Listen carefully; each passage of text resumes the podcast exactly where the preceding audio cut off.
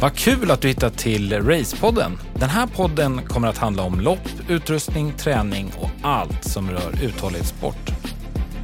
I det här första avsnittet ska vi i samarbete med HED djupdyka inom sporten swimrun. Nu kör vi!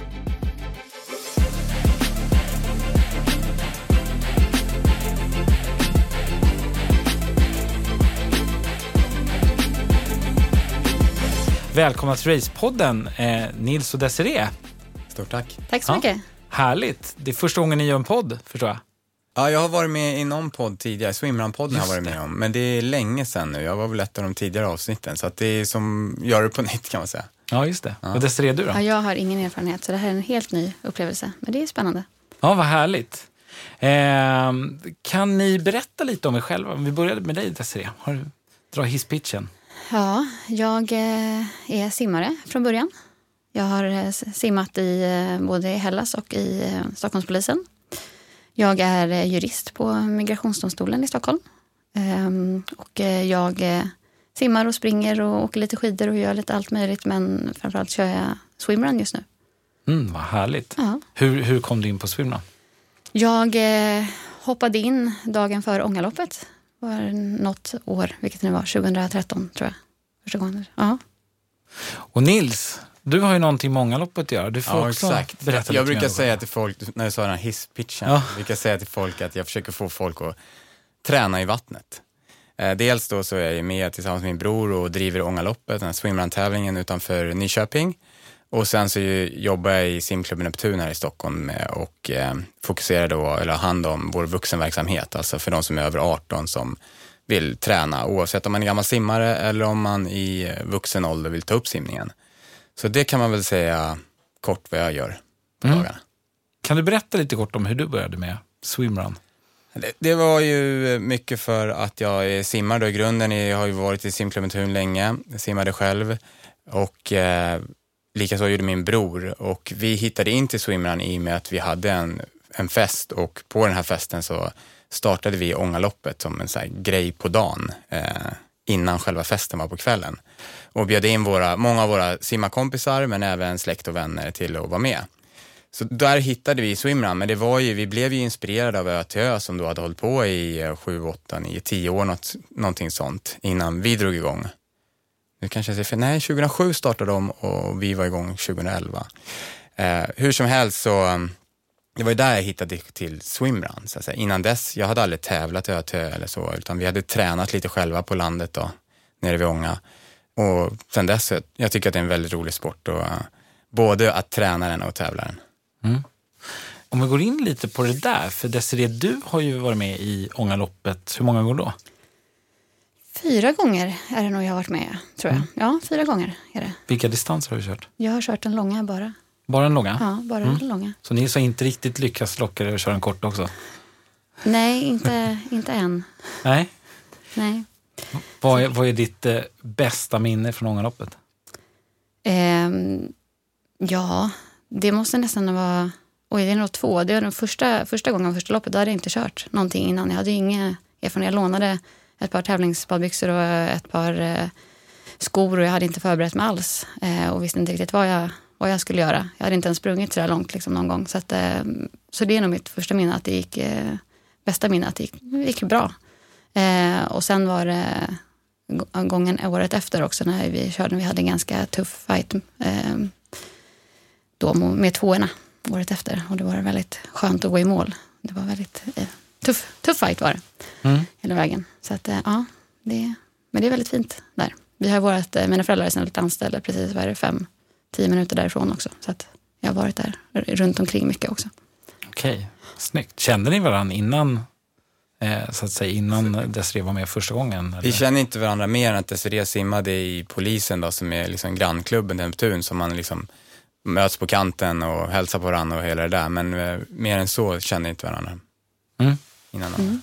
Ja, jag förstår. Men nu Desiree, nu har ju du, eh, du är med i ÖTÖ Ja, och anmäld i, i år, eller man ska säga kvalificerad. ja. Eh, hur många år har du kört det? Jag har ju bara kört, alltså stora ÖTÖ har jag bara kört en gång. Det var ju nu förra året. Ehm, och sen har jag kört, och första gången jag körde ÖTÖ-tävlingar var egentligen alla jag körde förra året. Um, sen innan det, förutom många loppet, har jag kört Costa Brava en gång också 2016. Men annars var det framförallt förra året som jag körde eh, många tävlingar där. Mm, just det. För du har kört din första tävling nu nere i Costa Brava. Jag har kört Costa Brava och sen innan det körde jag Ötjö i VAR. Just det. Mm, var, på VAR heter det. Hur gick det? Eh, det gick bra. Vi, eh, vi vann, så det, Ja. jag och Fanny. Så det, var, det gick bra. Snyggt. Ja. Nils, har du kört någon av ÖTÖ-tävlingarna utomlands? Nej, det har jag inte. Jag har kört Ötjö originalsträckan då, Mm. tre gånger, men jag har inte varit iväg och testat utomlands. Det har jag inte. Så jag har kört Stockholm Swimrun och Amfibiemannen som nu är tillbaka i år, lite andra swimrun-tävlingar här i Sverige då, men inte utomlands. Mm. Har du någon topprestation? Någon pallplats? Nej, ingen pallplats. Eh, Jag är swimrun mest för att jag tycker att det är väldigt kul och har aldrig haft den ambitionen att jaga placeringar. Men eh, sen är det klart att när man väl är ute på banan så vill man ju gärna ta ut sig totalt och bli trött. Så, eh, så jag har varit femma två gånger på att jag som bäst. Ja, det är otroligt starkt, tycker jag. Eh, hur, hur ser, eh, om vi går in lite på eh, försäsongsträning och sådana saker. Vi kommer ju ha säkert många lyssnare som undrar hur, hur man ska förbereda sig inför en säsong. Vad har ni gjort till exempel nu under vintern? Om vi börjar med dig Desiree. Vad, hur har din vinter sett ut? Eh, jag har väl eh, tränat, det blir, man kan ju inte simma ute eh, så mycket direkt så här under vintern. Så att jag har ju väl tränat inne i bassäng. Um, och sen har jag väl sprungit. Um, jag tycker inte om att springa så mycket uh, inne på band så det gör jag helst inte. Då springer jag väl ute. När det är för isigt så är det lite svårt. Uh, men jag springer ändå hellre, försöker springa ute ändå. Uh, för jag tycker det är mycket roligare. Sen växlar jag faktiskt lite. Om det finns snö så åker jag, då åker jag gärna skidor istället för att springa när det finns snö. Så att, då åker jag längdskidor i så fall. Lite grann för att få konditionsträningen. Um, men det blir mycket bassängsimning eh, blir det ju. Och sen när det inte är isigt så kan man ju springa en del ute fortfarande.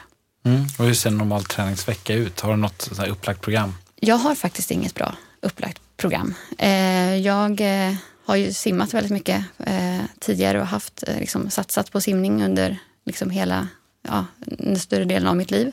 Eh, så att jag gör, kör swimrun för att jag tycker att det är kul och eh, jag följer inget jättetydligt träningsprogram utan jag lägger upp eh, veckan efter hur det passar, passar mig med allt annat jag ska göra under veckan och eh, vad jag tycker känns eh, roligt och bäst. Sen är det klart, jag gör ju inte bara roliga pass, jag gör ju jobbiga pass också. Men jag lägger upp det efter hur det passar och hur, vad jag känner för att göra. Så att jag har faktiskt inget jättetydligt träningsprogram jag följer. Mm. Okej. Nils, du då? Hur har din vinter sett ut?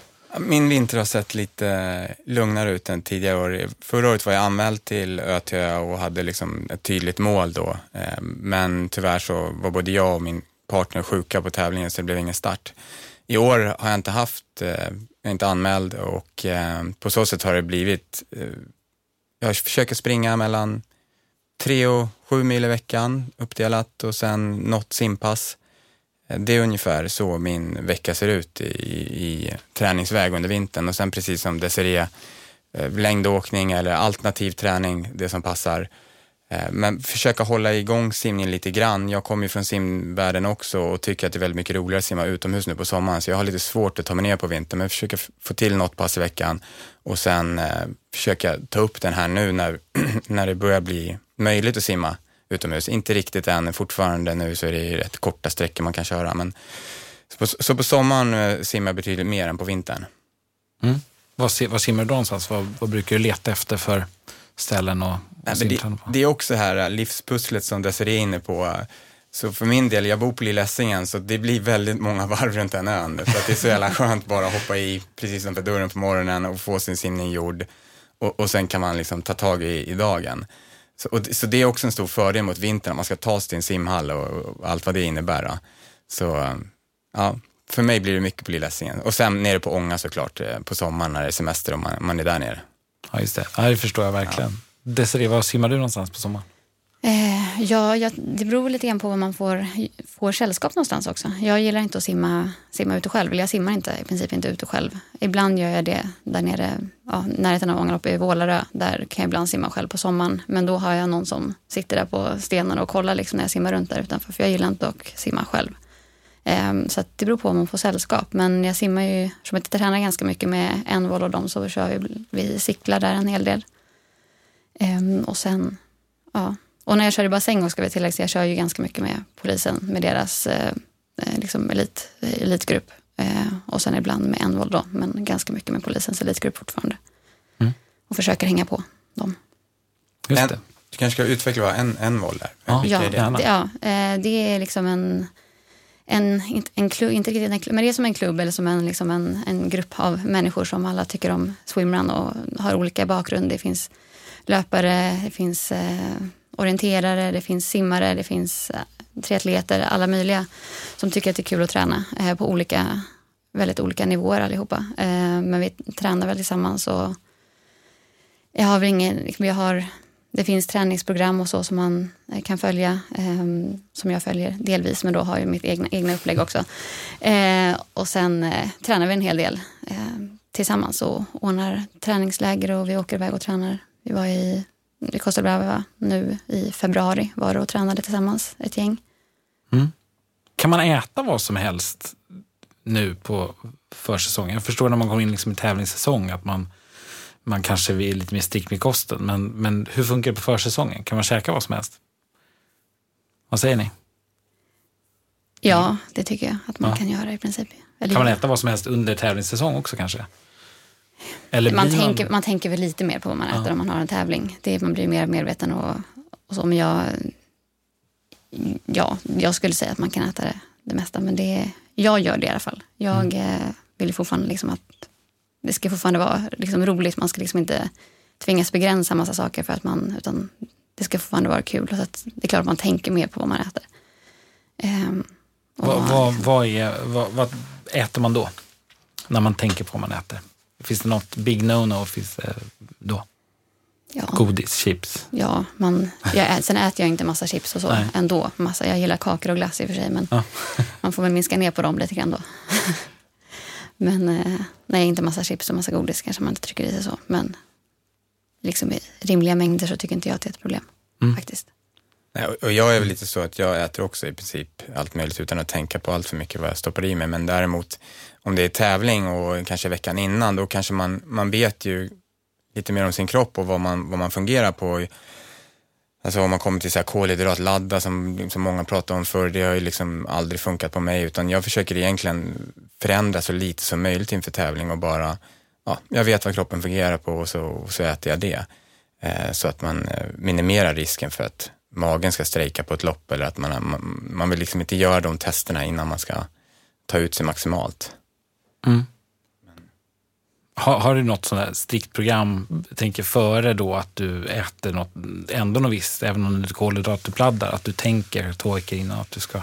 Nej, det ska jag inte påstå. Däremot kanske jag försöker äta lite mer regelbundet, men eh, jag tycker inte om att liksom bli så här supermätt och liksom verkligen trycka i mig mat, utan det är väl mer bara att man kanske har några extra äpplen eller frukt med sig på jobbet så att man hela tiden fyller på dagarna innan utan att för den delen liksom göra en jätteförändring i hur jag äter. Mm. Men det, det, jag tror att det, det där också när man kommer in och tävlar lite och får lite rutiner så hittar man ju det som fungerar för en själv. Så det är svårt att sitta och säga, uh, ja, uh, det funkar säkert annorlunda för andra människor, men det, mm. det är något som jag kör efter och fungerar för, för min del. Ja. Kolhydrater du ut, Desiree? Um, nej, inte riktigt, men jag äter väl ofta, jag, har, jag äter gärna jag har väl någon så pastarätt jag brukar äta liksom, gärna dagen före tävling eller dagen före man åker iväg på en tävling eller sådär som jag har gjort. Men det är ungefär samma mat som jag har ätit under många, många år liksom, som jag gillar att äta före tävling. Så det är mer vad, det är väl som du säger, vad man är van att, van att äta för någonting. Eh, så att jag har ju några, några favoritpastarätter jag brukar äta före eh, tävling sådär. Och sen är det väl också det att jag försöker tänka lite mer på att jag inte ska glömma bort att dricka, för jag är ganska dålig generellt sett på att dricka vatten, att liksom få i mig tillräckligt med vätska. Eh, så det brukar jag försöka tänka mer på, liksom, framförallt veckan före så att jag liksom inte glömmer bort det där och bara dricker kaffe på jobbet. Så, så att, eh, det brukar jag, framförallt är det jag tänker på mycket också.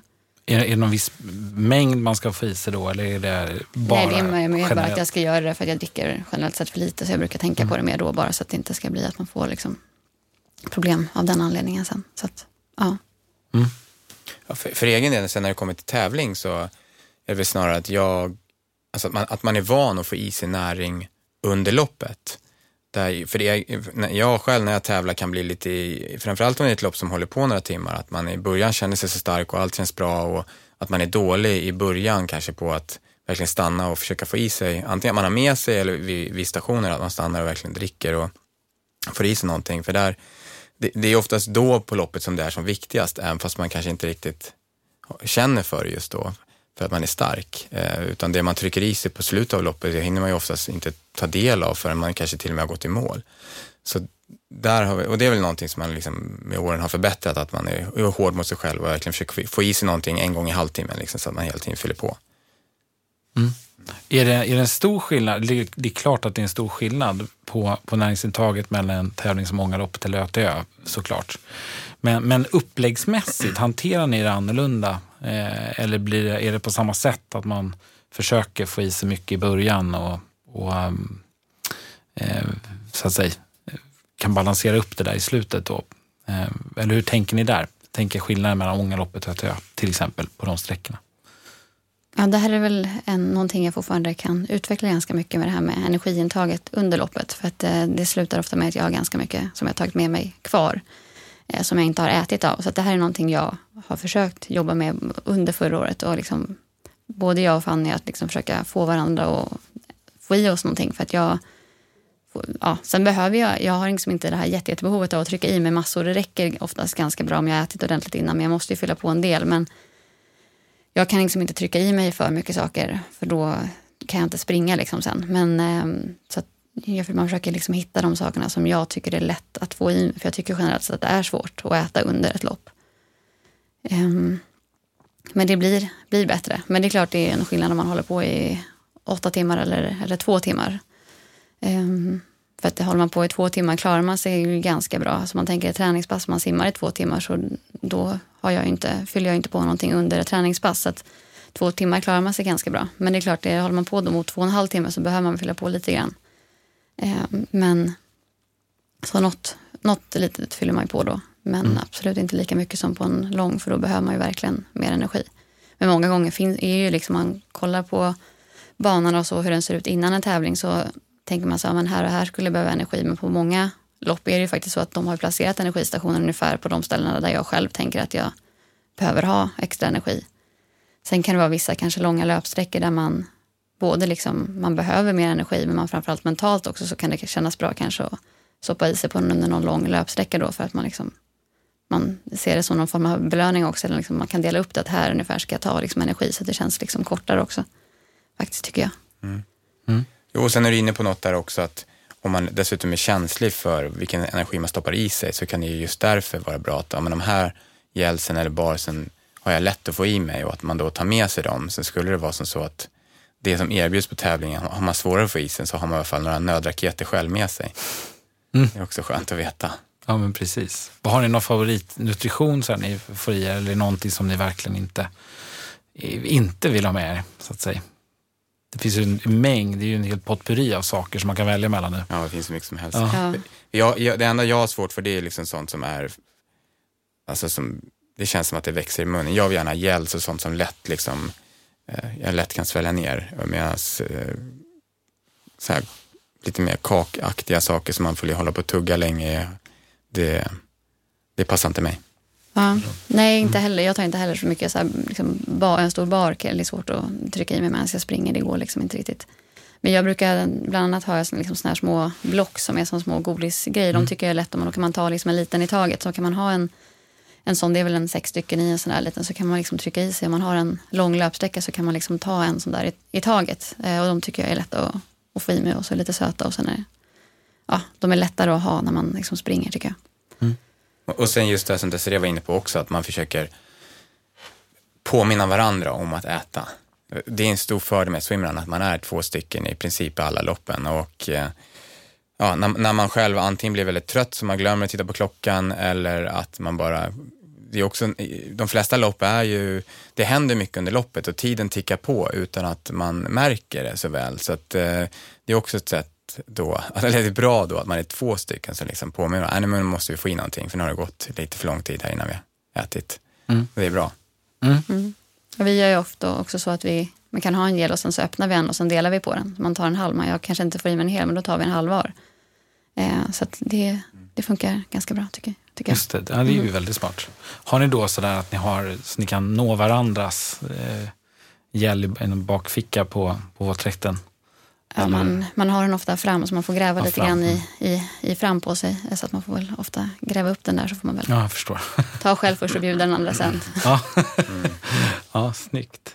Hur ser, eh, hur ser nu året ut? eh, Börja med dig Desiree. Hur ser tävlingsåret ut för dig? Som kommer? Ehm, Ja, eh, vi har inte exakt, eller jag har inte exakt bestämt vilka tävlingar. Eh, men vi kommer att köra någon, jag kommer köra någon tävling med Fanny i början på juli. Eh, vi har väl två, två alternativ där så vi får väl se vilken av dem det blir. Om det blir Engadin eller Backwaterman, vi får väl se. Eh, och sen så ska jag att jag är den stora eh, tävlingen. Så. Sen eh, är jag anmäld till Ångaloppet också, så att, eh, det tänker jag också dyka upp. Ja, kul, kul. Och sen eh, antagligen blir det några mer tävlingar under hösten också. Kanske kan som vi körde förra året tyckte vi var trevligt. Och sen så blir det antagligen någon mer av de där tävlingarna som är i, i Heads, den här eh, serien som de har i, eh, där i Spanien och i Portugal. Eftersom att vi körde Costa Brava den, eh, den halva sträckan som är en del av den serien då, så kommer vi köra även någon tävling från den under hösten. Men exakt vilka eller vilken det blir har vi faktiskt inte helt bestämt heller. Så det är än så länge lite öppet fortfarande. Mm. Just det, vad spännande. Ja, det är det. Ja. Vad härligt. Hur ser det ut för dig Nils? Äh, Min eh, tävlingssäsong är rätt tom för tillfället. Eh, Min eh, lagkamrat då, som jag skulle ha kört med i höstas, han har tränat på superbra i hela vintern och här under våren och var också nere i Costa Brava och, och tävlade med Annika då. Så jag, jag, vi hade ett snack här och jag sa så här, nej men hitta någon som är tränad på din nivå. För att det, det är ju så i swimrun, det gäller ju att båda har samma ambitionsnivå, har lika mycket tid att träna. Och, och det kan ju det är det som gör det väldigt roligt när man är jämspelta men det är också det som kan göra en tävling tråkig om det är som så att eh, någon har sagt att man är bättre tränare än man egentligen är. Eh, så, så därför eh, har jag inget bok. Jag, jag, jag vet några tävlingar som jag vill köra men som jag ska hitta en partner till som är lagom, på en lagom nivå, kanske inte har fullt lika högt ställda mål. Så du har chans att utlysa här då, att, Ja, exakt. utlysa att du, du letar efter en partner och köra några tävlingar med. Ja, Ja, vad härligt. ja. Ja. Ska du, får du någonsin chans att köra Ångaloppet själv? Vi har, vi har ju sagt det i massa år, så, ah, men nästa år så ska vi köra. Ja. Men sen så vet vi att eh, det blir alltid så jävla mycket fix på tävlingsdagen och eh, det är inte så att vi, eh, såklart det går att ersätta oss, jag och brorsan med eh, att vi skulle kunna köra ihop eller så, men det har inte blivit av. Vi tycker att det är väldigt kul också att vara ute och springa på banan och heja på folk och det, blir en helt annan grej när man ska stå på startlinjen. Även fast man säger att man gör det för en rolig grej så blir det alltid, är man tävlingsmänniska så blir det ändå tävling. Och, så nej, vi står gärna vid sidan om och njuter och, och så åker man på andra arrangemang och bara kan eh, vara deltagare och inte behöva vara stressad över att det tar slut med energi någonstans eller och, du vet, saker som händer när man arrangerar en tävling. Har du varit på något sådär evenemang, förutom Ångaloppet, när du har varit ut, ute och sagt så här, det här wow, det här var riktigt häftigt. Jag tycker att eh, all, jag, i princip alla tävlingar jag är iväg och kör på så får man med sig saker hem som man tycker, ja ah, det där har de gjort jäkligt bra. Eller man, ja, man lär sig väldigt mycket av andra arrangörer. Så att det är väl därför jag också ser det som en inspiration att vara iväg och tävla. Eh, sen så här exakt, eh, det, det är så svårt liksom när man kör midnattsloppet jämfört med någon eh, en liten swimrun-tävling i Hellas så är det ju helt olika det är svårt att jämföra det, men, men det finns ju charm i, och liksom saker som man kan ta med sig från båda de arrangemangen ändå. Eh, så det, det är kul, jag gillar att tävla och det inspirerar både liksom min egna träning men sen också för att vi försöker bättra Ångaloppet såklart. Mm. Vad härligt. Hur är det med dig då Får du chans att njuta på evenemangen du är ute på eller blir det mest fokus på prestation? Nej, jag tycker man kan njuta också. Man får ju ta sig någon sekund ibland och hitta det ju oftast, alltså alla de här loppen går ju på så himla fina, fina ställen. Det är ju alltid så vackra miljöer och det är växlande hela tiden. Så jag tycker ändå att man, även om man är väldigt fokuserad på, på just loppet så tycker jag ändå man, man upplever ändå, man ser ändå liksom lite grann. Man kan se om det är liksom väldigt klart vatten, man, liksom kan ändå, man ser fortfarande om det är en fisk där, liksom, även om man simmar på. Så att, nej, men jag tar, man tar sig ju någon, någon sekund ibland och tittar, hinner man ju se utsikten i alla fall tycker jag. Så att det är ju alltid så himla jättefina ställen som alla tävlingar går på. Eh, och sen såklart innan och efter så hinner man ju liksom njuta av omgivningen också. Så att det tycker jag väl ändå att man får. Det är det som är lite roligt med att åka på olika tävlingar också. och På nya ställen får man få se nya platser. Mm. Och det är det, alltså ban, det är likadant om man tittar på oss och vi vill ha Ångaloppet så en person som lägger banan känner ju det området säkert, eller oftast väldigt noga och vet de här fina platserna och vill ju att deltagarna ska få se de där fina platserna. Så det är det jag tycker också är kul när man reser Även om man, ibland gör man ju resan för själva tävlingen, men om man bara reser och ser att det är en tävling där så är det ju kul att liksom så spontananmäla sig om den möjligheten finns. Det kan ju vara liksom bara en, en, en löptävling eller vad som helst. Att man eh, som sagt får, får se platser och områden som man annars hade missat om man bara varit där ja, själv. Liksom. Mm. Så det, är kul med tävlingar.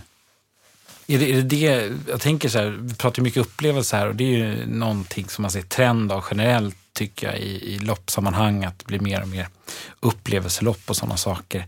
Eh, ser ni också, eller ser ni att swimrun är så att säga en upplevelsesport? Eh, för många, liksom, jag tänker för just att ta sig in i sporten. Är det ett bra sätt att uppleva omgivningar, uppleva någonting nytt? Ja, det tycker jag. Det är ett jättebra sätt tycker jag att uppleva någonting. Man ser ju liksom en ny plats. Eh, och sen framförallt uppleva någonting nytt. Man, man, eftersom att det är så omväxlande mellan liksom att simma och springa så blir det liksom inte jobbigt på samma sätt som att springa en jättelång sträcka eller liksom simma en jättelång sträcka. Så att det blir att man ändå kan man kanske är mycket bättre på den ena grenen så hinner man kanske liksom njuta lite mer under en viss period och hinner ändå, så det tycker jag absolut. Mm. Ja, och, och sen dels det här med att olika tävlingar upplever olika platser, men det jag gillar med swimrun också är ju att beroende på vem du tävlar med, vem är din lagkamrat? Alltså I vissa fall så tävlar man med någon som är bättre än en själv och då kanske man hela tiden är på rött och kämpar liksom för att inte sacka efter den andra och i vissa fall så tävlar man med någon som är som är långsammare på antingen simningen eller löpningen och det blir liksom olika upplevelser utifrån vem man tävlar med också. Och, och, där är det viktiga, så länge man bara går in i tävling med samma ambitionsnivå så spelar det liksom ingen roll att man är på olika nivå, för då bara båda är medvetna om det och, och det tycker jag också, man får liksom en speciell relation till den man har kört med och har upplevt det där, den här tävlingen tillsammans. Så det är någonting som man sen också kan, man kan alltid ta upp det och, och snacka om det och det var liksom en, en rolig stund ihop. Mm. Vad härligt, för det är ju lite sådär om man står vid sidan om swimrun som sport så tänker man ju det finns ju en, det är en del insteg. Det är ju lite eh, halvt som triathlon. Det krävs ganska stora investeringar kan man stå vid sidan om och känna att eh, det är våtdräkt och det är dolme och, och eh, i många fall kanske man inte ens kan namnen på de olika attiraljerna. Vad skulle ni vilja säga är, är, är, är det så att det är väldigt prylfokuserat eller är det så att man kan börja Eh, Ångaloppet är ju egentligen ett exempel på där man kanske inte behöver så mycket utrustning med sig. Eh, men, men hur ska man liksom tänka lite som nybörjare kring all den här prylhysterin och hur kan man komma runt det? Vad är era bästa tips där? Ja, man, nej, jag tycker inte att om man, om man inte har kört överhuvudtaget innan så behöver man inte skaffa en massa dolmar och paddlar och allt möjligt. Utan det går ju direkt. Du måste ju ha ett par skor så att du kan liksom springa och så att de inte tar in, liksom att du, de blir jättetunga när du simmar. Eh, men annars behöver du ha någonting så att du inte fryser. Liksom. Det är väl bra kanske våtdräkt om du ska köra ute, någon form av våtdräkt eller någon våtdräktsbyxor eller liksom någon, något sånt liknande. Men det går ju även om det är varmt i vattnet så kan du bara köra en vanlig baddräkt eller några badbyxor eller någonting. Och du behöver ju inte när du börjar testa första gången. Om du kanske testar, det kanske inte är en tävling utan du testar, och, testar på det bara själv. Eller med, såklart med någon annan då kanske. Men då behöver du inte ha massa saker första gången. Det tycker jag absolut inte är nödvändigt jag hade inte någonting första gången jag körde. Jag fick ihop lånat massa saker så att, och ingen utrustning heller förutom vanliga liksom, eh, herrrace eh, badbyxor och ett par skor jag hade lånat. Så att jag hade inte mer än en sport-bh så jag hade inte mer än det första gången. Så att, det tycker jag inte behövs när man börjar i alla fall. Mm. Nej, jag, jag håller med. Det är, väl det, det är klart att man eh, kan tycka att det ser ut som att de här bästa lagen har mycket saker men precis som Desiree säger, det handlar egentligen, är det en, en varm sommardag i Sverige i mitten på julen när det är hyfsad temperatur, då kan man ju bara under sin löpartur kanske man efteråt går ner till sjön och tar ett dopp och i det här fallet så bara behåll löparkläderna på och hoppa i med dem och så simmar du över till, eller simmar längs med land och, och testar och springer vidare. Det är ju inte svårare än så. Man behöver inte anmäla sig till tävlingar eller eh, köpa på sig massa prylar utan det är bara att sätta igång och testa och köra swimrun. Sen så är det ju, tycker man att det är roligt, roligt, vilket man förhoppningsvis gör, så kanske man vill eh, ja, ha ett par bättre skor eller en, en våtdräkt för att ha, göra säsongen längre och så vidare. Men eh, det är helt klart en förhållandevis låg, lågt insteg i, i swimrun ändå tycker jag. Och eh, då man jämför, just det här, jag själv, jag höll ju på med en del med triathlon förut, eh, det är ju att den här cykeln blir ju dyr och det märks ganska snart om man har en cykel som är lite, ja, lite sämre än, än de bättre. Liksom. Det, blir, det gör en stor skillnad. Kanske på en, en dräkt eller ett par löparskor inom swimruns kanske inte har riktigt fullt lika stor effekt om du inte har de här de bästa grejerna. Du kan fortfarande eh, vara ganska konkurrenskraftig eh, med lite billigare varianter. Ja, just det. Vad, vad skulle du vilja säga om man tittar på tävlingsmomentet inom swimrun? Är det, säger det, det är lätt att gå ut och, och bara göra det här. Eh, jag tänker att man kan ju kanske lätt känna sig ganska dum som bara springer ut och plaskar ner i vattnet med skorna. Och det är fortfarande lite främmande för, för, för kanske den stora majoriteten. Eh, är, är lopp, kan det ändå vara ett bra sätt just för att man hamnar i en kontext, tänker jag? Eh, och vad ska man tänka på då om man skulle vilja börja med ett swimrun? Vilken, vilken längd skulle ni rekommendera? Ska man testa på ett jättekort lopp eller är det uppåt milen? Hur ska man tänka? Tänka kring, eh, för det är ju det här med blandning mellan simning och löpning gör ju att det, blir en annan, man kan ju inte riktigt jämföra med ett enmilslopp kan jag tänka mig, på, som löpning. Hur hade ni tänkt där? Um, ja, man bör väl kanske inte börja med ett, liksom ett så mycket längre lopp än vad man tror att man klarar av. Så. Det är väl bättre mm. att börja med något, eh, det är väl ofta bättre att börja med något lite kortare så att man liksom inte blir, blir avskräckt egentligen. Så är det väl alltid. Man tycker för att man blir, man blir för trött om man liksom inte är förberedd så. Men det känns ju inte lika, jag upplever inte alls att det känns lika liksom jobbigt eh, att köra liksom ett tvåmilslopp i, i swimrun om man tänker som motsvarande Ångaloppet, liksom så långt som det är. Det känns inte alls lika jobbigt som jag hade tyckt om jag skulle ut och springa två mil. Eh, för då upplever jag att man bryter av det hela. Så att man kan kanske, jag tycker att det är inte fel att ta ett lite längre lopp än vad man kanske känner att man normalt sett skulle välja att springa heller, tycker jag. Eh, för att det blir lite den där variationen. Mm. Jag håller med, så är det helt klart. Och sen, sen är du inne på det här med tävlingar. Jag tycker också att en fördel med swimrun är ju precis som Desiree pratar om sin träningsgrupp så finns det väldigt många andra träningsgrupper så man behöver ju inte, i varje fall om man bor i någon av de större städerna i Sverige så finns det ofta swimrun träningar där man liksom kan hänga på och på så sätt komma in i sporten utan att man måste anmäla sig. Och sen så är det ju alltid kul om man hittar en polare som man tänker, han eller hon är nog tillräckligt dum för att liksom vilja hänga med mig på det här ja. jippot. Och då är man ju två stycken och då blir det också liksom lättare att se dumma ut ihop när man hoppar mm. i och börjar simma. Så äh, det, det, är ju äh, just den gemenskapen och hitta några att träna med, det gör det mycket roligare. Mm. Mm. Ja, det är alltid några som, som undrar vad man håller på med nästan. Nästan varje mm. gång man är ute och kör så är det någon som liksom inte, ändå inte har sett det här förut. Eh, som igår var vi, när vi simmade med några andra då vid eh, Sickla där så kom, var det någon, en eh, mamma där och hennes dotter som tittade på oss när vi kom upp och hoppade i där borta. Hon såg så fundersam ut när vi hoppade i på andra sidan liksom, med våra, våra våtdräkter och simmade över. Hon liksom frågade vad vi, vad vi gjorde och det såg så himla kul ut. Hon var så avundsjuk. Liksom. Hon tyckte det såg så där såg hur roligt ut som helst. Så att, eh, vi får se om vi hade, har värvat en ny swimrunner till. så att, det är roligt. Ja, en generations-swimrunner. Ja. ja. Det är kul. Fantastiskt. Känner du att det blivit en skillnad där över åren? tänker jag. Du har ändå varit aktiv i några år. Eh, med just att folk känner igen sporten på ett annat sätt eller är det fortfarande så att du upplever att... Ja, det är ju många fler känner jag som har mm. testat på det som vet vad det är. Mm. Eh, jag kan bara, liksom, man kan bara se på, ens, på mitt jobb om jag pratar om det eller kommer folk att det är många fler nu som, som vet vad det är och, än, än vad det var förut. Eh, så det är klart det är många, många fler som vet vad det är nu. Mm. Det är mm. många fler som testar på. Det finns ju så många olika tävlingar. Så det är absolut det är jättemånga fler som känner till det. Hur upplever du det Nils på, som arrangör? Är det Känner du att det är ett stort liksom, cirkulation av samma deltagare eller är det så att det är många nya från år till år? Eller? Är det en blandning? Ja, men det, det är såklart en blandning. Vi har ju vissa liksom ambassadörer som kommer tillbaka varje år mm. och vi är superglada för dem. Men vi, vi ser ju också fortfarande att det dyker upp eh, nya människor och, och, det är väl därför vi har valt just Fångaloppet. Eh, vårat längsta lopp, 22 kilometer, i, i swimrunvärlden är det ett förhållandevis kort lopp. Eh, men trots det så har vi valt att göra kortare varianter istället för att göra någon, någon längre variant av Ångaloppet just för att vi, vi tror att eh, just på den sidan så med kortare sträckor så finns det betydligt färre möjligheter. Ehm, och, och, det är ju såklart också för att locka de här som tycker att det verkar spännande och ser lite kul ut men blir rädda när de hör eh, ja, 22 kilometer eller ännu längre.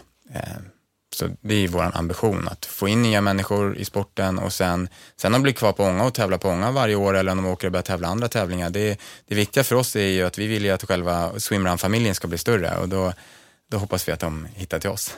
Mm. Ja, för du har lite nya, eller ni har lite nya eh, tävlingsformer då, eller hur? Ja. ja. Vi, eh, för det första så har vi lagt i, i princip alla lopp på samma dag i år, på mm. lördagen. Vi har ju tidigare haft två dagar, lördagen och söndagen, där vi har haft liksom originalloppet, det här 22 km loppet på söndagen. Men eh, vi tycker att lördagen med familjeloppet, det, det har blivit en otroligt fin stämning då med alla barnen och barnen är också väldigt duktiga på att dra, på, dra med sig publik, så det blir mycket folk på Ånga och en härlig liksom, atmosfär.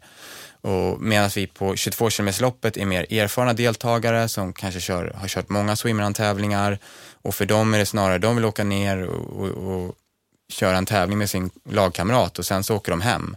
Eh, så vi tycker att söndagen har istället tappat lite här eventkänslan. Så vi, vi, nu när vi har planerat väl så inser vi att vi kan köra alla loppen samma dag utan att behöva att vi har flera lopp ute samtidigt på, ute i skogarna så att eh, alla har gått i mål innan nästa start går. Men vår ambition och förhoppning är ju att eh, det ska bli ännu mer folk på Ånga och bättre tryck och, och, roligare för alla som är där. Och, eh, antingen att man har tävlingar som går innan sin egen start eller efter när man själv har gått i mål, att det fortsätter under hela dagen. Mm. Och sen vårt genrep nu istället, det blir på fredagen då vi kör ett skymningslopp. Just det, kan du berätta lite mer om det? Det är ju väldigt, är det helt nytt inom swimrun eller har ni Nej, det är inte helt det nytt. Vi snor det mesta vi gör, eller Nej, Men som jag sa, jag inspireras av många andra tävlingar. Ja, och det här var faktiskt Rasmus eh, Rengstrand, en, en kompis jag kört mycket swimma med, som eh, körde den här multisporttävlingen mellan eh, Stockholm och Åbo förra året. Mm, och då hade de ett segment i Ålands skärgård där de körde swimrun på natten. Och han tyckte att det var otroligt häftigt och ja, bara kom tillbaka hem och sa så det här måste ni göra på Ångaloppet, det var skitkul. Sen så, vi vill inte göra det mitt i natten för att det ja, vi, vi, känner med säkerheten och, och, så vidare. Så vi gör, när solen går ner så drar vi igång tävlingen. Så det kommer vara ganska mörkt i skogen, även om det skulle vara klart. Eh, men sen eh, ute på vattnet, i och med att det är fortfarande skymning, så är det förhållandevis ljust fortfarande. Och sen så kommer vi lägga ut sådana här, de som är inne i det här, vet vad så här safety boys är som man har efter sig när man simmar, som vi liksom lägger in eh, ljusdioder i och så liksom blir det som en kommer se ut som en landningsbana, som man simmar efter de här bojarna. eh, så vi, vi, tror att det kommer bli fint och eh, en liten annorlunda twist för de som har kört många swimruns och bara vill testa på något nytt. Mm. Vad häftigt. Mm. Desiree, blir du sugen? Ja, men jag blir nog lite sugen. ja. Så det, jag ska fundera på det också. Du, ja. du är ju så nära där på somrarna ja, så du kan bara komma över. Ja. Den är lite kortare, den är sju kilometer. Och det är en singeltävling också. Vi har aldrig haft singeltävling tidigare, men vi tänkte att det här kunde vara en eh, ja, en eh, rolig variant att köra singel på. Mm. Ja, häftigt. Mm. Ska ja. den gå ute i havet eller inne i? Den kommer gå inne vid insjön. Ja. Så det, det, blir också en varvbana då som är, det är tre simningar på varje varv och så kör vi två varv på den banan. Eh, så det är ungefär 600 meter simning då och ja, vad det nu blir, 6,4 kilometer löpning. Eh, så mm. ja, vi tror det kan bli, kan bli kul. Ja, det låter ju hur härligt som mm. helst. Eh, om vi återgår där lite till eh, just Ångaloppet, tänker jag, Desiree. Eh, du har ju varit på eh, där och det har gått bra för dig.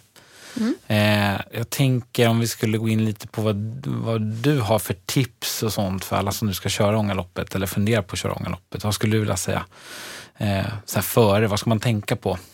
Är det något speciellt? Um, ja, det är mycket löpning i början. Det är en lång löpsträcka. Om man kör den långa i alla fall så är det en lång löpsträcka i början. Och eh, tipset är väl inte, jag tycker att man inte bör ha badmössan på sig redan där. Jag tycker det blir väldigt varmt. I alla fall om det är soligt. Det hade jag, första mm. gången hade jag satt på mig den på en gång men eh, den åkte av sen. Eh, för det tycker jag blir väldigt varmt. Men det är generellt sett jag som tycker det är jobbigt att springa långt med badmössa på mig för jag tycker att det mm. blir alldeles jätteinstängt. Ehm, och sen är det, det är liksom smalt i början så att man springer på led och inte stressa upp sig liksom över att man ligger bakom där. Att man kommer få möjlighet att passera senare och liksom inte stressa upp sig där i början. Ehm, tycker jag. Om man nu har liksom ambitioner att placera sig bra så, så finns det många möjligheter att passera senare. Ehm, sen eh, är det väl bra att träna på mycket, man kan träna på upp och i, igångar på klippor och sådär för det är ju väldigt många simsträckor. Det är inte jättelång simning men det är mycket simsträckor och många ganska korta. Så att vara snabb i och ur vattnet är ingen nackdel så man kan ju träna på att krävla sig upp för klippkanter och ta sig ner på ett säkert sätt och när det är liksom lite halt. Framförallt liksom där det är lite sjögräs och så där man går i för att det är bra att träna på så att man inte halkar och slår sig där utan att det, det är någonting framförallt som jag tycker man kan träna på oavsett vilken nivå man, man har så hitta ett bra sätt att ta sig i och, och upp. Mm. Tycker jag. Var skulle du vilja säga att man passerar eh, folk? Det här blir en generell fråga, kanske inte bara, bara Ångaloppet, utan brukar du passera eh, dina motståndare på, på simningarna eller löpningarna? Eller är det upp och nedgångarna till och med kanske? Ja, jag, vi, jag många gånger simmar förbi. Mm. Eh, eller i princip oftast simmar förbi. Det är klart man kan springa förbi några också ibland då. Eh, men framförallt eh, så simmar jag förbi folk. Mm. Som springer ifrån en framförallt i början men som man sen eh, simmar, på, simmar om. Liksom. Eh, så det, och det är för alla, alla lopp. Men det är för att man är, liksom, jag är ju simmare i grunden så då simmar man ju eh, mycket bättre än de som är liksom löpare. Så, så att det är framförallt på simningen som man, man simmar om. Och kanske också är bättre om man är mer erfaren att simma ut och simmat mer så kanske man har en mer rak bana också så man automatiskt kanske passerar folk som simmar lite zigzag och slalom och sådär om man har lite bättre kurser också. Mm, just det. Och du då Nils, du som ändå sitter här med alla svar i, i lådan på ditt eget lopp. Vad, vad ska man tänka på? nu har jag aldrig tävlat på den här banan. Nej, okej, okay, du har bara dragit. Och det är väl kanske en liten passus här också att Destirees tips kanske bara gäller om du inte drar om banan nu. Exakt. Ja, nej det ska vi inte göra. Men eh, det, det, är ju en förhållandevis stökig swimrunbana. Dels då, som Desiree är inne på, första löpningen som är förhållandevis lång för, för den här banan. Eh, där eh, stora delar går i skogen. Vi har en grusvägslöpning men sen, men sen efter den så är det ju mycket skogslöpning på stig och över klipper och så vidare. Och det är inga jättehöjdmeter men det är mycket upp eller ner hela tiden. Eh, även fast topparna är inte speciellt höga. Och, och sen så att det är ändå 24 simsträckor på de här två milen gör ju att um, med många gånger, det är egentligen samma, lika många simningar som Ö till Ö originalsträckan fast den sträckan är 75 kilometer. Så där har du ju betydligt längre simningar. Men eh, här är det istället i och ur och kors och tvärs och ja, det gäller att vara en teknisk swimrunner, både när det kommer till att springa i skogen men sen så också vara smidig i djurvattnet. Och sen duktiga simmare, i och med att det är förhållandevis kort simning här så kan man ju inte heller ligga och ta det lugnt på simningarna utan det gäller ju upp med frekvensen och jobba de här förhållandevis korta simningarna så att man då kan ta in på de som är sämre på att simma men, men bättre uppe på land. Så det är ingen rast eller ro på Ångaloppet utan eh, vill man få en bra tid då, då gäller det att ligga i och försöka vara, inte springa så snabbt som man skadar sig men ändå hela tiden röra sig framåt och i ett förhållandevis högt tempo. Mm. Eh, så jag tror att de flesta är även ganska utmattade i huvudet när de kommer i mål just för att det hela tiden händer någonting och det, man får inte så många långa sträckor där man bara kan fokusera på ett löpsteg och att det bara, kilometrarna bara ska rulla. Eh, utan de, de, kommer inte så enkelt utan det gäller att ja, hela tiden jobba framåt. Eller vad säger du? Ja, absolut. Det, så är det Man ja. får trycka på på simningarna.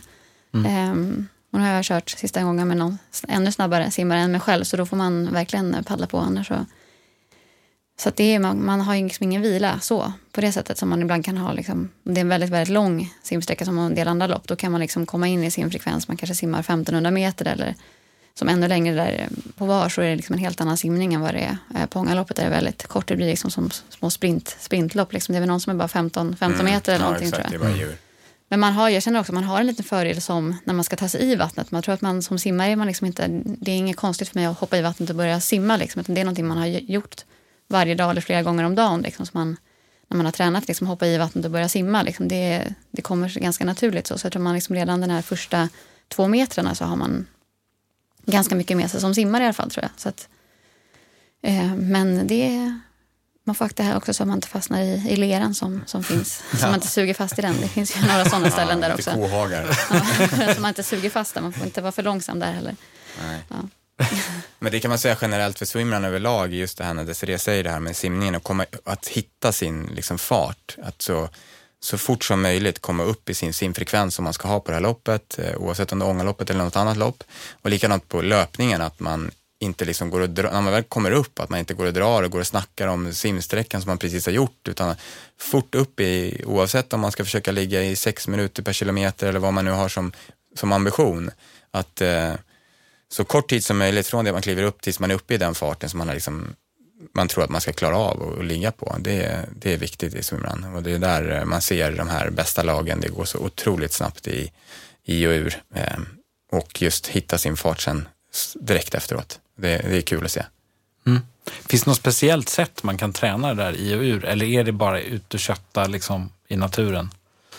Det, är väl, det är väl ganska bra att träna på det och gå i och ur vattnet. Och man har, man har nu utrustning och man har dolmar och paddlar och sådär som man har på ganska många tävlingar så är det bra att träna med den utrustning man ska tävla med sen. Att träna liksom på att sätta på sig dolmen och stoppa in den där man har den och sen liksom fixa med paddlarna och allt det där också.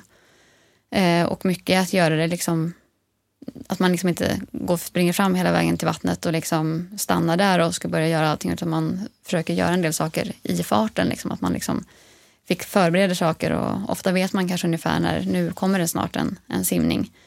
Um, och sen gärna påminna varandra om, har du, liksom, för när man blir trött i ett lopp, efter det har gått kanske två, tre timmar så är man liksom, kanske man börjar lite trött och glömmer bort och kanske har varit en lång, en lång liksom, löpning, man har dragit ner våtdräkten och sådär, att man liksom kommer ihåg att dra upp dragkedjan, för det händer ju ibland att man har glömt det, det kommer in mycket vatten då.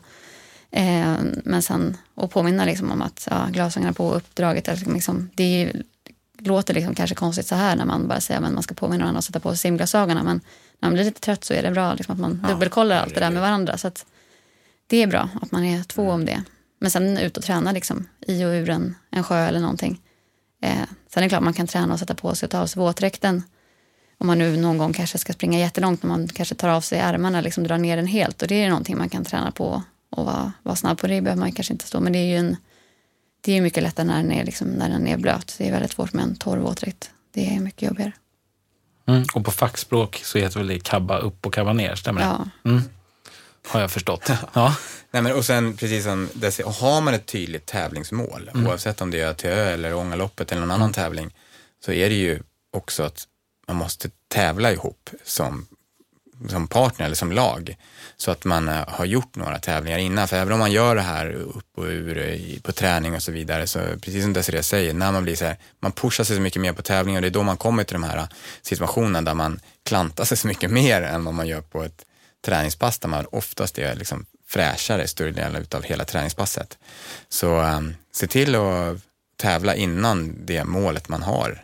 Om man nu inte bara har, man kan ju ha som mål att bara klara en tävling och då är det kanske inte fullt lika viktigt. Men just om man vill komma högt eller ja, kvala eller vad man nu har så se till att tävla mycket. Det, man lär sig väldigt mycket på tävlingarna.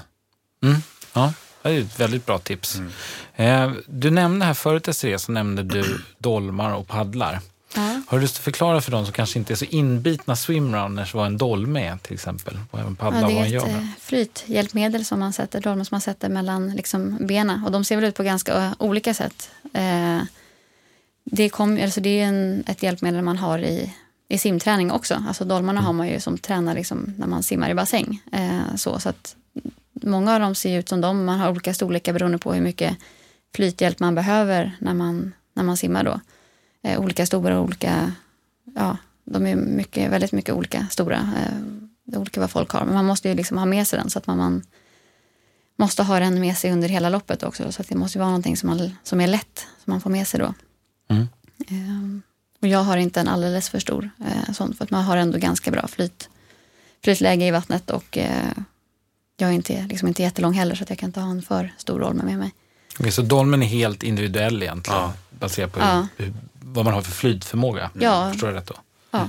Och, och det är precis som Desiree säger, alltså, det, även för hennes del som har ett bra vattenläge så blir det ju också, du, i och med att du släpper på den här på löpningen så vill du ju inte, du vill ju ha så mycket flytkraft med så lite vikt som möjligt på löpningen så att du inte blir klumpig och stor att springa med. Men samtidigt som, som jag som har ett väldigt dåligt vattenläge, jag behöver, jag, jag tjänar fortfarande på att ha en ganska stor dolmen med mig, trots att det är en, kanske lite jobbigare att springa med för att jag, det blir så mycket lättare för mig när jag simmar. Mm. Så därför väljer jag det. Men det gäller ju att hitta någon, man får ju testa fram det som funkar bäst för en själv. Just det. Och sen paddlar har man också. Eller Mm. man kan välja att ha paddlar eller är det... Ja, på långa lopp så har väl de, de flesta har ju paddlar. Mm. Ehm, så. Men man kanske inte ska börja köra med jättestora paddlar om man har lite problem med axeln eller någonting så är det inte att rekommendera att börja med jätte, för det blir ju ganska mycket tyngre att simma med paddlar. Mm. Jag har inga jätte, jättepaddlar så, utan det är också storlek, olika storlekar beroende på, och det påverkar ens frekvens också beroende på hur man, hur man simmar då. Men det Mm. finns ju mycket olika storlekar på dem också. Just det. Och sen så kan man också ha en lina med sig också va? Om jag inte missminner mig. Precis. Är det Det- tvång eller inte Nej, alltså tvång? på Ångaloppet är det varken, får du varken ha paddlar eller lina. Men Ah, vi okej. är lite Mm. speciella där. Ja. Vi, vi vill ju att vårt lopp ska vara ganska avskalat. Mm. Eh, Och det är väl också en sån sak där vi försöker nischa, vi nischar oss lite med det här familjeloppet och, och det ska vara lite så här familjekänslan med där. Och sen just att vi försöker hålla det avskalat. Men jag tävlar ju själv mycket i tävlingar där, i mitt fall, där jag och de jag har kört oftast har lina med oss Mm. och eh, även paddlar då. Eh, På Ångaloppet så blir det ju lite tuffare att ha koll på sin kompis när man inte har linan, för det gör att man hålls ihop hela tiden. Eh, och eh, precis som Desiree säger här med paddlarna, att man tappar lite fart. Fördelen på Ånga som vi var inne på, att det är väldigt mycket växlingar eh, och, och det, det är inte alltid helt lätt att klättra upp med paddlar, för du ska vana swimrunners vet hur man gör det snabbt, men är man lite mer ovan så är de där lite när de sitter på händerna. Det gäller att få av dem eller vända på dem som på utsidan halvflatorna så man, man kan ta sig upp. Eh, men, men det är också en sån sak som är bara träna på det. Och eh, återigen, det är lätt att sätta på sig ett par, som jag nämnde där, för stora, för stora paddlar som gör att man blir väldigt sliten i, sl- i slutet på loppet. Man känner sig som Stålmannen första tredjedelen och sen sista tredjedelen så ligger man och bara ångrar. För man, I och med att du måste släppa med de där paddlarna in så är man bara missnöjd över att man valde de där jättepaddlarna. Mm. Har ni själva erfarenhet av för stora paddlar på något lopp sådär? Eh, nej, jag har faktiskt bara kört med mina vanliga mindre paddlar. Så jag har faktiskt inte kört med några för stora paddlar på något lopp hittills. Jag har kört med dem som jag har eh, tränat med också faktiskt. Jag har samma som jag har kört med så länge jag har simmat också samma storlek. Så jag använder faktiskt samma. Men jag funderar på att uppgradera mig lite, lite större för när jag tränar nu ibland. Så då gör jag det ibland. Men eh, annars kör jag faktiskt på samma. För då kan jag ha min, liksom min vanliga frekvens. Jag har ganska hög frekvens och om jag tar av mig dem så får jag mycket lägre frekvens. Så när man simmar ute så, där, så då är det ganska, då funkar min frekvens bra för mig. Nej, så att, ja. Jag har erfarenhet av det. Ja, du har det. Ja, ja det kändes som att det fanns något personligt där. Ja, nej, men eh, det var faktiskt mitt första, första ÖTÖ-tävling som jag körde med Ragge. Då hade jag ett par för stora paddlar. Och jag, jag, minns, alltså jag minns under loppet att jag såklart var väldigt sliten och att det gick långsamt på simningarna. Och då, vi körde inte med lina då heller, så jag fick inte så mycket hjälp av honom. Eh, men eh, när jag kom hem sen och tittade på den här livesändningen och liksom scrollade igenom den så såg jag så här att herregud, folk kan verkligen inte simma på den här tävlingen. Och sen var jag själv som klev upp i vattnet. det gick så jäkla långsamt. Så jag blev, eh, jag blev förvånad över när, när man blir så sliten och man, som Desirée nämner här med frekvensen. Det är den man tappar och det ser nästan ut som att man står still sen när man blir så trött för man orkar liksom inte trycka igenom draget när man, har, när man är för trött av för stora paddlar. Ehm, så det lärde jag mig där. Jag har gått ner betydligt i storlek på paddlarna. Härligt. Och sen har man ju våtdräkt. I alla fall generellt. Eh, och trailskor. Om jag förstår rätt. Eller trail eller swimrun-skor. Eller vissa har jag till och med kört asfaltskor har jag hört. Men det kan väl nog bli lite halt kan jag tänka mig. På klippor. Eh, men om vi går till våtdräkten. Vad, vad, hur ska man tänka där över säsongerna? Vad, vad, för jag har förstått att en, det är ju inte så att man köper en våtdräkt och tror att den ska räcka hela säsongen. Om man tänker köra hela säsongen, det vill säga.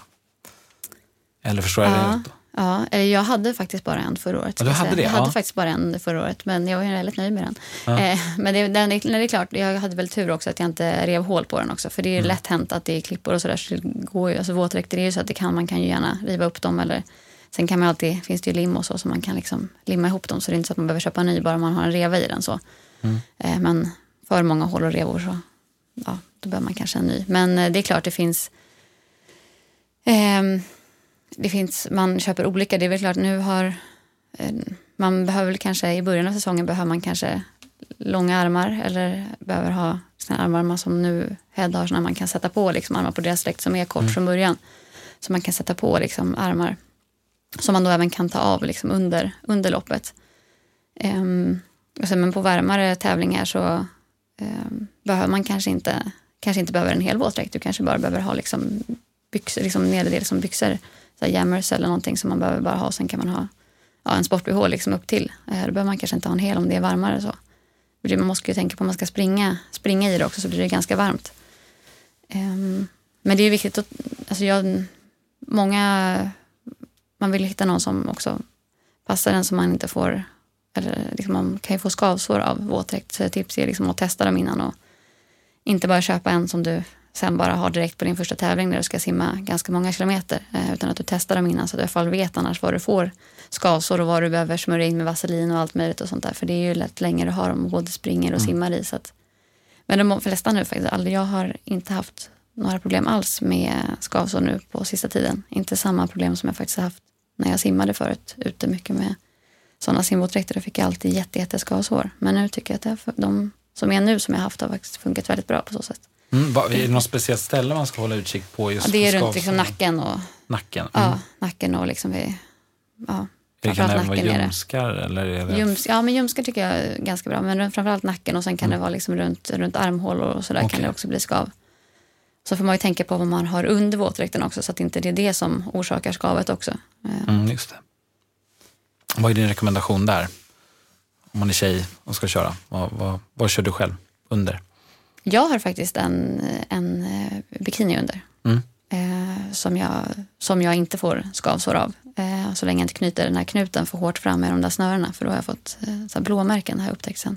Mm. Fram där knuten har suttit.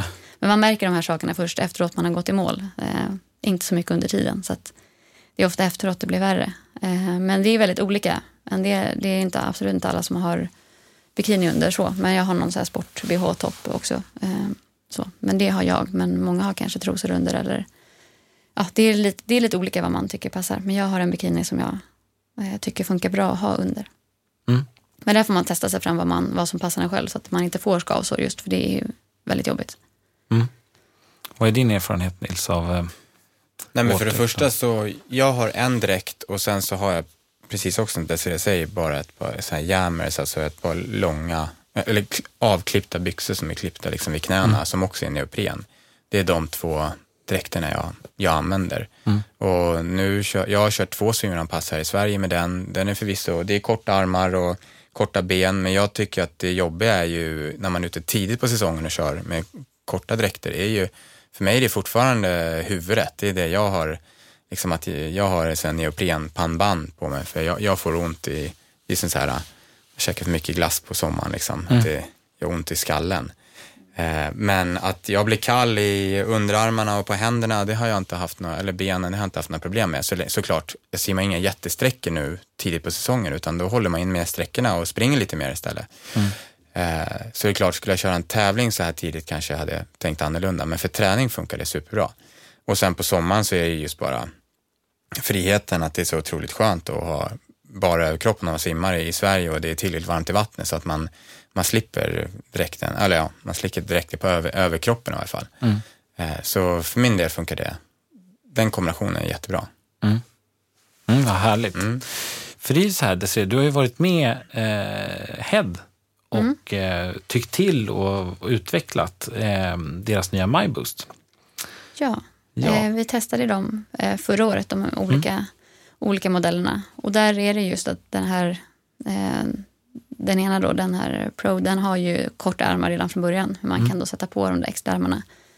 Och det blir ju, den är ju liksom gjord då för att man, man, då har man ju liksom klippt, den jag hade liksom Aeron som de hade förr, liksom jag hade förra året, den hade, klippt, hade jag ju långa armar på i början av säsongen. Sen klippte jag ju av eh, armarna på den och har den korta och då är de kanske lite stora liksom i armarna. Så den här nya är ju liksom anpassad för att det ska vara en, en kort arm på den. Eh, vilket är, är ju bättre då. Den är ju liksom sydd bättre på så sätt. Sen har de ju de, eh, den då som är utan armar som är liksom som inte har några armar alls. Eh, som jag också kommer att köra. Jag har inte kört, kört i den än i år då. Eh, men eh, det kommer vara bra sen när det blir varmare ute tänker jag. Eh, för att då kanske slippa det här man har att man behöver dra ner eh, kabbar ner då allting under, eh, Mm. under tävling. För det tar ju ändå lite tid. Även om man har övat in det där så det går snabbare så tjänar man såklart tid på att inte behöva ta och inte bli för varm utan kunna köra på bara i, i samma. Och det är en ganska frihet också att köra med fria axlar. Alltså man, det är lite begränsande med att ha liksom våtdräkt också på, på armarna. Det känns ju liksom tungt. Man tycker varje gång man går ut så efter, efter vintern så går man ut och tycker att det allt känns himla tungt i axlarna när man ska ut och simma liksom länge. Man tycker det känns jättetungt. Man blir så trött i armarna men när man vänjer sig efter ett tag. Ehm, så det, är- jag, har, men jag har testat deras olika nya och sen även den, den helt lättare då som inte har så mycket. Ehm, men vi testade dem då förra sommaren ehm, när de hade ner och prövade dem där i, i Sickla då så körde vi i dem eh, där. Och, eh, då, då var de inte, liksom inte klara än eh, utan vi hade väl det fanns fortfarande lite att jobba med mer ändå eh, som justeringar så som har, som har gjorts nu till, till en variant som jag har nu. Eh, så det var faktiskt väldigt bra att kunna vara med och tycka och testa de här olika och, och se så att de liksom blir anpassade. Jag tror det var ganska många som var ner och testade det också så att de fick nog ett ganska bra underlag som de kunde använda när de gjorde justeringar på dem. Då. Ehm, så det är väldigt bra att man får vara med och, och tycka till och påverka och komma med tips och så. Eh, För de som ändå använder dem- dem. Mm, för det var en av dem du tävlade i nu i, Precis. där nere va? Ja, I, jag körde i den, deras Pro. Och eh, Fanny körde i den utan armar för det var Mm. tillräckligt varmt där i. Ehm, faktiskt. Ehm, så jag tyckte det fun- funkade bra. Mm. Ehm, den har ju också då som en, liksom en ficka på ryggen där vi, vi kan stoppa den här linan som vi, vi alltid har med oss men som vi aldrig använder. Men vi vågar, vi vågar inte lämna den. Vi tänker den dagen vi inte tar med den så behöver vi kanske ha den.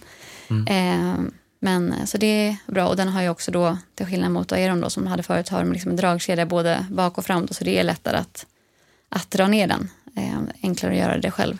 Ehm, Mm. Även om vi då har lyckats inarbeta en bra rutin där vi hjälps åt med det här eh, att dra av oss våtdräkterna. Men eh, det är enklare om man kan dra, bara, dra ner både fram och bak så man enkelt får av sig den.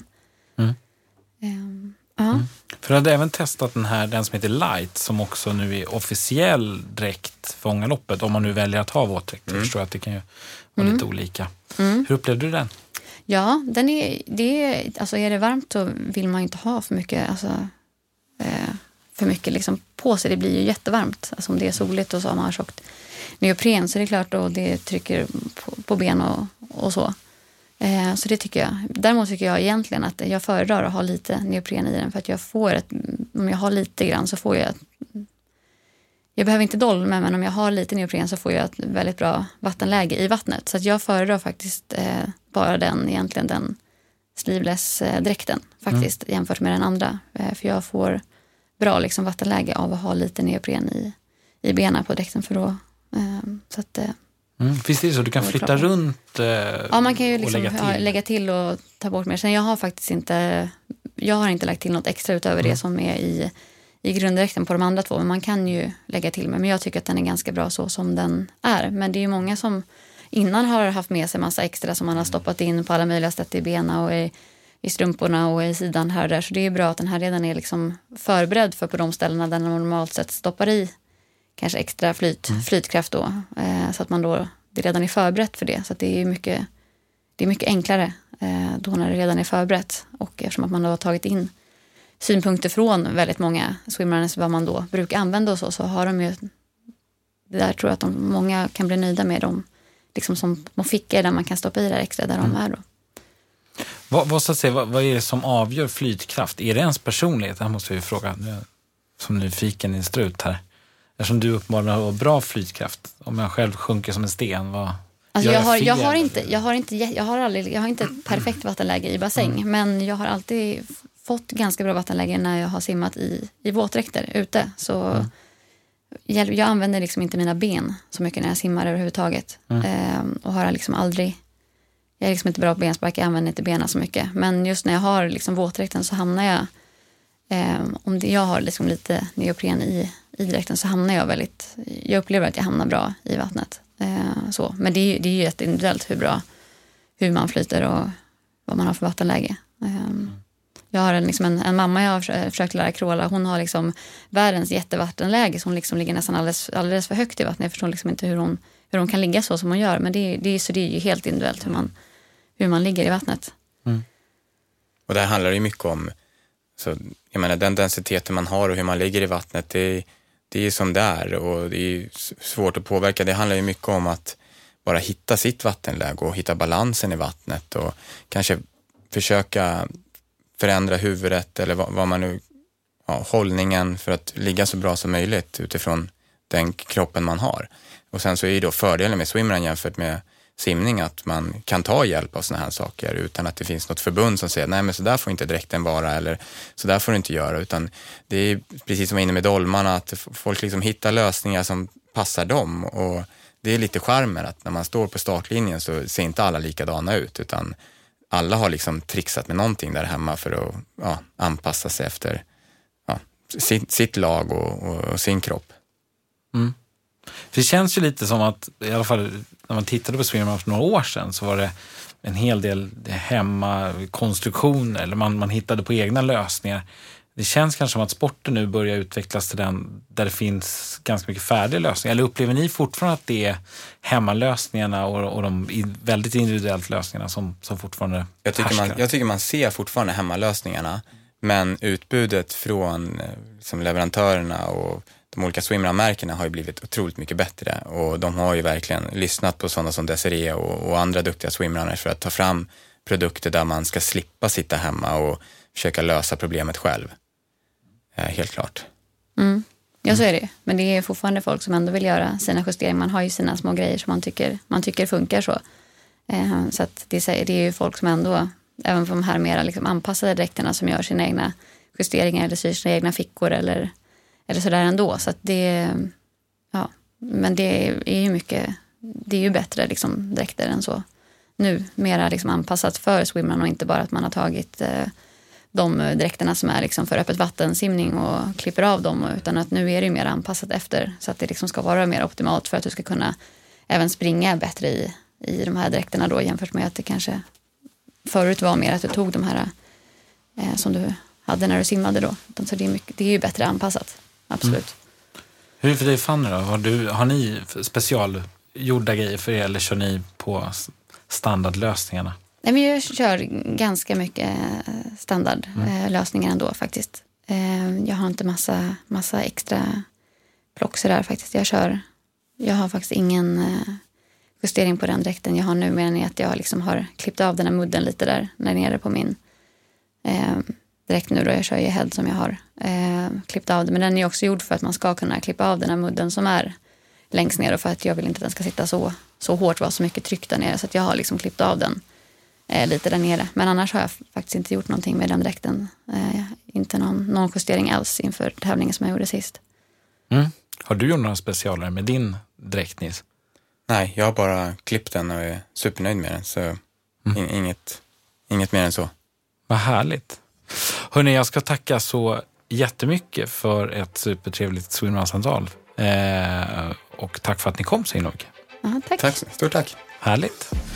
Då tackar vi på Racepodden för den här gången så får ni hålla utkik efter nästa samtal. Och det här, eh, det här poddavsnittet eh, gjorde vi tillsammans eh, med Head eh, och även med Ångaloppet. Tack så mycket.